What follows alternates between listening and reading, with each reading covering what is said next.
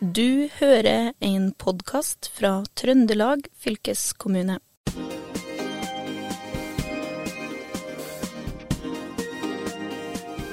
Velkommen til Fylkespodden. Vi har i dag en annerledes sending, da vi har vært til stede på Trøndelagsmøtet.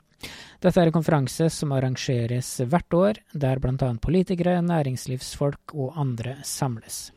Tema for årets eh, konferanse på Hell i Stjørdal kommune var brytningstid. Kort fortalt betyr dette at vi lever i ei tid med store endringer som følge av pandemi og krig. I tillegg til dette er det mangel på både energi og arbeidskraft. Og jeg har med meg eh, medprogramleder eh, Rabaya Kasi. Og Rabaya, hva var det som gjorde størst inntrykk på deg under konferansen? Du vet, Håvard, vi bor i et veldig trygt land i verden, så i hverdagen som en vanlig innbygger tenker vi ikke mye om Norges forsvarspolitikk. Men vi ønsker eller ikke, krigen er så nærheten av oss, og det påvirker hver hverdag i ulike måter. Så etter å høre på diskusjoner i dag, tenker jeg jo mange ting Spesielt når det gjelder sikkerhetspolitikk. Midt-Norge har en viktig posisjon, både geografisk og politisk. Så hva det betyr for oss, hvordan skal vi forberede oss, hvordan skal vi bygge våre samfunn framover? Jeg vet ikke hvordan jeg føler, men jeg har masse spørsmål. Mm, samme her. Ja, så så samme deg. Men hva føler du? Føler du utrygg? Ikke utrygg, jeg føler liksom mer på en sånn stor usikkerhet, jeg. Liksom mm -hmm. hvordan ting blir. Det er noe helt annet nå enn i 2019, som jeg husker liksom som et år da vi dro på ferie ja. til utlandet. Vi tenkte oss ikke om i det hele tatt hvor vi dro. Mm -hmm. Alt var trygt, trengte ikke å ha noe beredskapslager i kjelleren. Ingen uh, skriverier om uh, energikriser og, og, og, høye matvarepriser osv. Det er så mye på en gang, da. Så man blir liksom usikkerhet, uh, usikker på hva blir det neste. Ja. og mm, det jeg i hvert fall har vært veldig glad for på konferansen her, er at vi har fått masse gode innlegg da, som har gjort oss mm. klokere. Og jeg har også snakka med to som har greie på det vi nettopp mm -hmm. litt om i introen her nå, med sikkerhetssituasjonen og krig og sånn i Norge og Europa. Eh, og de jeg har snakka med, er eh, en forsker og en politiker. Det er forsvarsminister Bjørn Arild Gram og professor Torunn Laugen Haaland ved Institutt for forsvarsstudier på Forsvarets høgskole. Jeg starta med forsvarsministeren og spurte han om krigssituasjonen. Gram mener nemlig at vi nå aner konturene av noe som får betydning for alt vi driver med. Jeg ba ham om å utdype dette. Det har jo fått betydning for oss alle, fordi at vi ser jo det at uh, krigen i Ukraina uh, påvirker energipriser og matpriser. og Det slår jo inn i, slår inn i alle husholdninger, og bedrifter og lokalsamfunn. Uh, så det er jo en tydelig konsekvens av at Putin nå bruker energi som våpen i denne konflikten. Sikkert òg med ønske om å så splid i Vesten, få hindre oss at vi støtter Ukraina i deres forsvarskamp. Men så er det klart at det er jo en ny situasjon utover det. da, at Vi, vi har jo hatt en lang periode etter murens fall og den kalde krigen var over, hvor at uh, utviklinga har uh, gått jevnt over en veldig positiv retning. Da, at du, men at, hvor at vi nå ser mer konfrontasjon, og at ulike verdier og samfunnssyn igjen står opp mot hverandre på en måte. Mm. Men har vi grunn til å være redde her i Trøndelag, da? Du som er eh, forsvarsminister bør vel være den rette å vite akkurat det? Vi skal ikke være redd, det er bekymringsfullt, men for min del sover godt om natta. Det er jo ikke sånn at vi, det er noe konkret trussel mot Norge sånn sett. Men vi har et sårbart samfunn som de som ikke vil oss så vel, kan utnytte. Eh, så vi er i en situasjon hvor vi må tenke mer på samfunnssikkerheten vår, og styrke vår forsvarsevne i ei ny og mer alvorlig tid. Og hva med deg, professor Torunn Laugen Haaland, som jobber på Forsvarets eh, høgskole. Sover du godt om natta?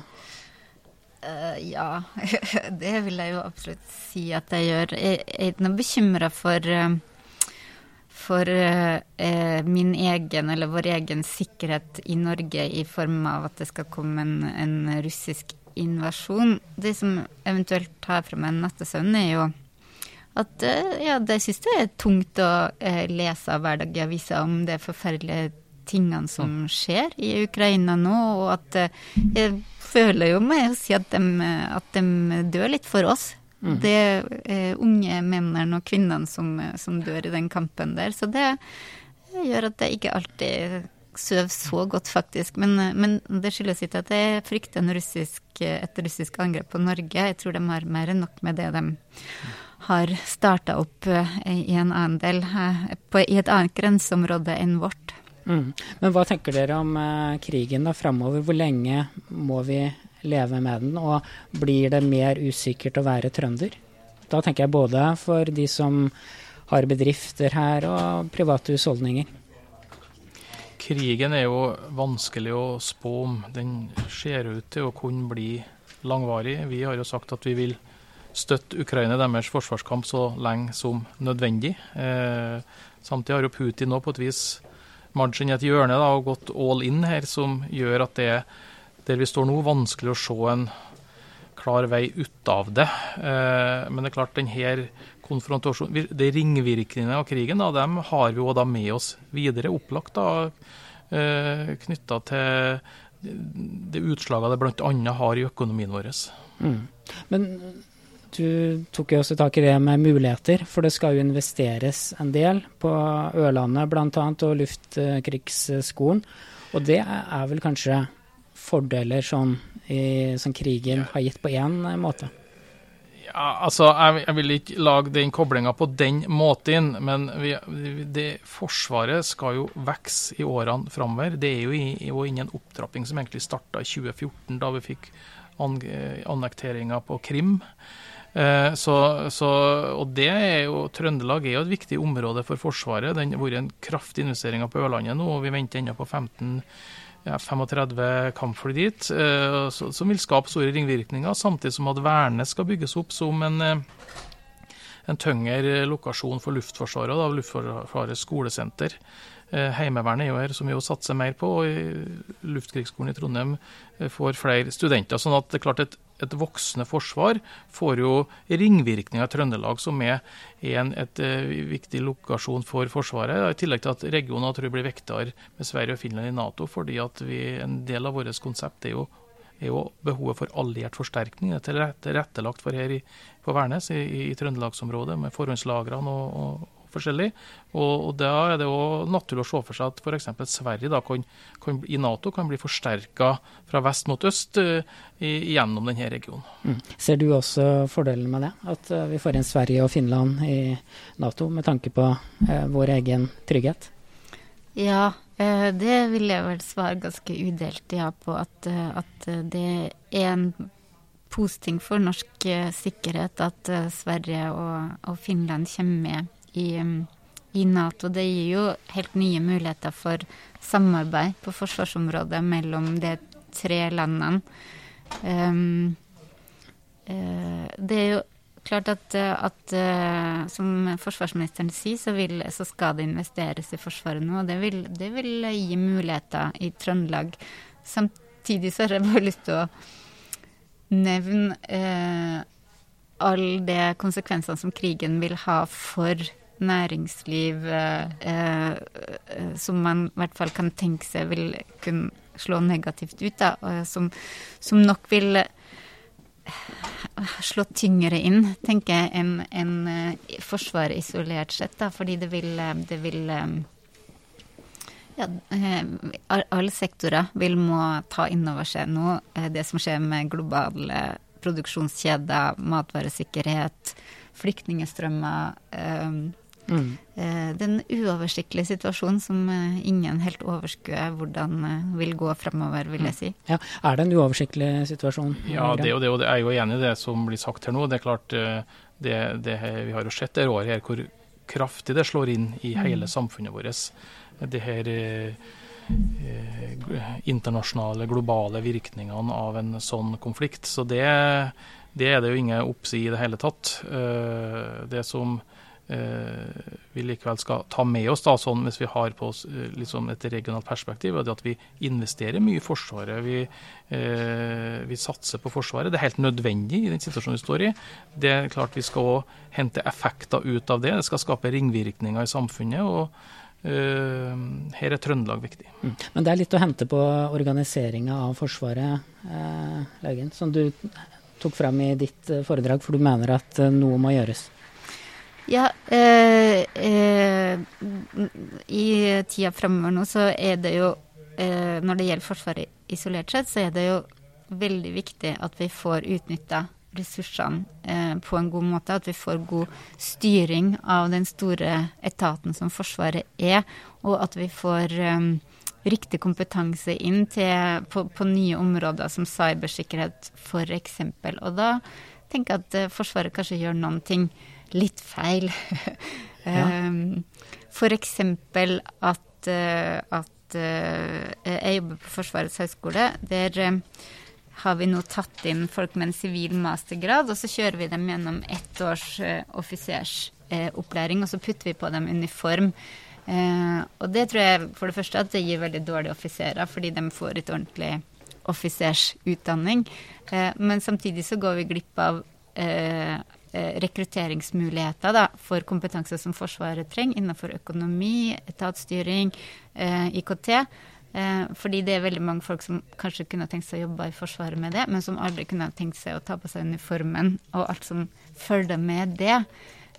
så jeg er litt usikker på om vi har valgt den beste mm. løsningen på akkurat det. Er det noe du vil ta tak i, Gram? Ja, nå har vi jo sivilt ansatte i Forsvaret òg, da. Men, men, men eh, vi, jeg har jo tatt initiativ til styringsendringer i sektoren, en tillitsreform òg. Fordi at vi får ikke ut av ressursene våre det vi burde få ut. Prosjekter tar for lang tid. Vi sliter med å effektivisere eh, virksomheten, ta ut eh, effekter av omstillingsarbeid. og det er jo en teknologisk utvikling som, eh, og en verden i endring som alt peker i retning av at vi må bli dyktigere i det vi holder på med. Og, så det har vi jo satt i gang også. og Forholdet mellom departementet og Forsvaret. Rydde i grensesnitt ansvarsområder mellom de ulike etatene i forsvarssektoren for å Eh, ja, for å få bedre gjennomføringsevne, vil jeg si da, og mer tydelig og ansvarsplassering. Det er for mye ansvarspulverisering i sektoren, sånn som jeg ser det. Så det er behov for å gjøre Mye er bra, la meg legge til det. Det er så mange som gjør en fantastisk jobb, men vi, vi skal få mer ut av ressursene. så Uh, og Da er selvfølgelig kompetanse en veldig mm. viktig del av det. Og det er tatt mange grep også for å styrke kompetansen i forsvarssektoren. Ja. Er du fornøyd med det svaret, Holland? Eh, eh, basert på historiske erfaringer så frykter jeg litt den tillitsreformen. Eh, eh, eh og at, for, eller, at, Forsvaret skal på en måte ja, få større, større kontroll over egen etat. Fordi historisk sett så har de slitt veldig med å få en god styring av egen etat. Eh, det har vært eh, sterke forsvarsgreiner som ikke har latt seg styre av, eh, av den sentrale styringsenheten. Um, og så er det det med, med med den, eh, igjen den kompetansen som Forsvaret sjøl sitter på. Da. Jeg jobber på en høyskole i Forsvaret. Hvert tredje år får vi en ny sjef, en offiser i uniform, som ikke vet noen ting om eh, høyskoleutdanning. Eh, noen ganger går det fint, noen ganger går det absolutt ikke fint. Og hvis det eh, samme skjer, tenker jeg med en eh, cyberforsvaret, da, at, eh, at, du får en ny sjef hvert tredje år som enten fungerer godt, men kanskje ikke fungerer godt fordi han mangler den, den, kompetansen som egentlig trengs for å lede en så viktig virksomhet. Eh, fordi at han ikke har fått det gjennom offisersutdanninga si, for da lærer du jo før krig. Mm. så, så, så jeg, jeg, er usikker på om om det er et riktig grep å ta. Ja, ja vi, vi, utdanner ting, folk til mye forskjellig i Forsvaret. Det er jo viktig å Her er et litt annet tema enn det reformarbeidet handler om. Eh, det er jo viktig å se på eh, Mange ledere i Forsvaret flytter på seg for ofte. Mm. Det tror jeg mm. er all grunn til å se på. Og så er det grunn til å uh, rydde i en del grensesnitt her. For jeg tror mange ledere i Forsvaret opplever det at handlingsrommet til å få utfinne smarte løsninger på å løse oppdraget sitt, er for innskrenka nå eh, med den organiseringa vi har. Mm. Vi skal snart begynne å runde av, men eh, Bjørn Arild Gram, du har jo vært forsvarsminister snart et år. Eh, hvordan har det vært? Det har vært hektisk, og spesielt for meg som kom fra, og, og spesielt også for meg som har vært så lang tid i altså jeg hadde interesse for forsvarssektoren, men har vært så lang tid i kommunesektoren, så det er klart det er en litt ny verden. Og så er det klart det, det skjer da på et tidspunkt som er veldig spesielt, da, med at det pågår en krig, og alle de konsekvensene de har hatt uh, for uh, med å følge opp eh, støtte til Ukraina, med, med prosessene i Nato. Både at Nato i endring, og herunder Sverige og Finland på tur inn, da, men òg konsekvensene for det norske forsvaret. Vi har jo gjort, iverksatt en rekke beredskapstiltak, i tillegg til at vi har styrka budsjettene for å sette verk nye tiltak for å svare ut den situasjonen vi står i. Så en, en hektisk, interessant periode med prega mye alvor. Mm. Og helt til slutt vil jeg spørre dere, nå som krigen raser ganske nærme, og den har pågått i snart et år, er det noe dere mener trøndere bør gjøre for å hva skal jeg si, øh, være forberedt på det som kommer, som vi ikke vet hva er? Er det noe vi bør gjøre som vi ikke har gjort? Og Laugen først. Ja, det er et vanskelig spørsmål. Jeg vil jo eh, I min egen familie har vi nå lagra vann i kjelleren, kjøpt hermetikk, eh, batteri, lys, eh, lighter, eh, fyrstikker. Faktisk for første gang i mitt 55-årige liv, så har vi, har vi, gjort de veldig enkle grepene som, som, myndighetene har sagt at vi skal gjøre, sånn at vi kan klare oss en liten stund uh, uten det strøm og ja. vann og sånn. Så, så gjør det. Ja. Uh, uh, utover det så jeg er mer usikker på. Ja. Og Hva med deg, Gram? Har du vann og hermetikk i kjelleren? Ja da, altså, det her er et veldig godt råd. Det her er jo et råd som Direktoratet for sivil beredskap for så vidt har utgitt uavhengig av den krigen som vi nå står i. Men den har jo gitt oss en påminning om sårbarheter i samfunnet. Så den her egenberedskapen, at vi har litt da til å kunne klare oss når strøm detter bort, hvis varmevannet ikke er der. at vi Eh, at, at, vi, at, vi, kan eh, ta vare på oss sjøl i, i, kritiske faser. Så Det er et generelt godt råd å gi til alle husholdninger om å tenke på sin egen beredskap, som Laugen her nevnte. Ja, det var eh, rådene fra forsvarsminister Bjørn Arild Gram og professor Torunn Laugen Haaland ved Institutt for forsvarsstudier på Forsvarets høgskole. Nå står jeg her sammen med gode kollegaer i fortsatt Eh, på Trøndelagsmøtet, litt backstage. Ehm, og Ingrid Eklo, hva tenker du om de rådene som kommer her? Har du lagra opp med vann og ved og fyrstikker i kjelleren din? Nei, altså min umiddelbare tanke er jo at der ligger jeg dårlig an. Eh, det er rett hjem nå å kjøpe både hermetikk og dunker med vann, tror jeg. For den har vi latt passere. Ja, hvorfor det? Eh, ja, si det. Hvorfor det? Jeg har kanskje ikke tatt inn over meg det alvoret som ligger bak. Og og kanskje humra litt av andre venner og kollegaer som har gjort det. Men jeg ser jo nå at her er det bare å høre etter og gjøre det vi får beskjed om. Ja. Og hva med, hva med deg, Ragnar? Har du um, bunkra opp uh, både på hytta og leiligheten din i sentrum, downtown i Steinkjer? Nei, jeg har ikke bunkra opp noe som helst. Men så begynner jeg å lure på noe om, om det er hell i uhell at jeg ikke kjøper meg elbil ennå. At jeg, at jeg, fortsatt har dieselbil. Så det, det kan være en fordel, hvis strømmen går, i hvert fall. Ja, ja, ja, Ellers så har jeg ikke noe mye ekstra hjemme enn det bruker å være, nei. nei. nei. Samme her, vi har fortsatt uh, dieselbil, men har uh, fått opp elbillader, da. Ja. Det ser jo litt rart ut. sånn, sånn, har det blitt. Men uh, hva med deg, Rabeia? Du fikk jo litt dårlig samvittighet her i stad, for jeg tror ikke du har gjort noen ting. Ja, å være ærlig, ærlig Håvard, jeg bare føler som at rett etter måte i dag jeg skal dra til butikken og kjøpe vann. vann og vann.